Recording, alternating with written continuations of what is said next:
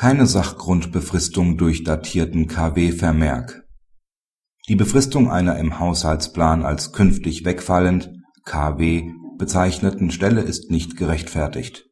Es bedarf eines nachvollziehbaren Sachgrundes für die Befristung.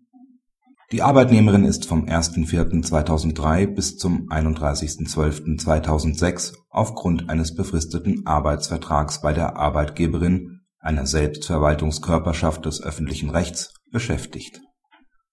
Am 15.09.2006 wird ein weiterer befristeter Vertrag, gültig vom 01.01.2007 bis 31.12.2007, geschlossen.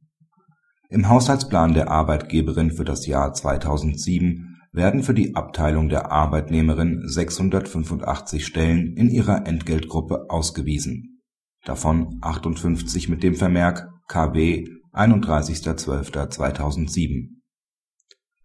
Die Arbeitnehmerin macht die Unwirksamkeit der Befristung wegen fehlenden Sachgrundes geltend.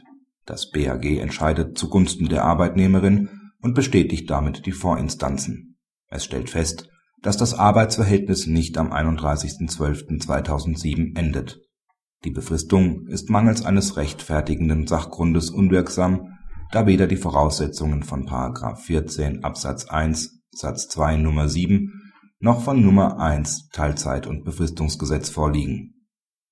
§ 14 Absatz 1 Satz 2 Nummer 7 Teilzeit und Befristungsgesetz setzt die Bereitstellung von Haushaltsmitteln für die befristete Beschäftigung mit einer erkennbaren Zwecksetzung für eine Aufgabe von nur vorübergehender Dauer voraus. Diesen Anforderungen genügt die Anbringung eines auf einen künftigen Zeitpunkt datierten KW-Vermerks im Haushaltsplan eines öffentlichen Arbeitgebers nicht.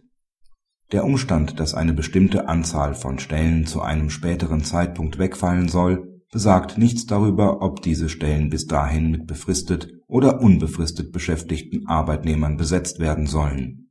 Ein datierter KW-Vermerk allein rechtfertigt auch nicht die bei § 14 Absatz 1 Satz 2 Nummer 1 Teilzeit und Befristungsgesetz notwendige Prognose, dass an der Arbeitsleistung des Arbeitnehmers ein nur vorübergehender Bedarf besteht. Datierten Wegfallvermerken liegt nicht stets die definitive Entscheidung des Haushaltsgebers zugrunde, auf die Stelle nach dem festgesetzten Zeitpunkt zu verzichten. Der Haushaltsgeber muss vielmehr in künftigen Haushaltsjahren erneut über den Finanzbedarf beschließen, an frühere Wegfallvermerke ist er nicht gebunden. Praxishinweis Befristungen von Arbeitsverhältnissen mit der öffentlichen Hand werden enge Grenzen gesetzt. Diesbezügliche Haushaltsmittel sollen stets punktgenau und mit ausreichender Begründung für den nur vorübergehenden Bedarf ausgewiesen werden. Ein KW-Vermerk allein ist dabei ohne Bedeutung und vermag eine wirksame Befristung nicht zu begründen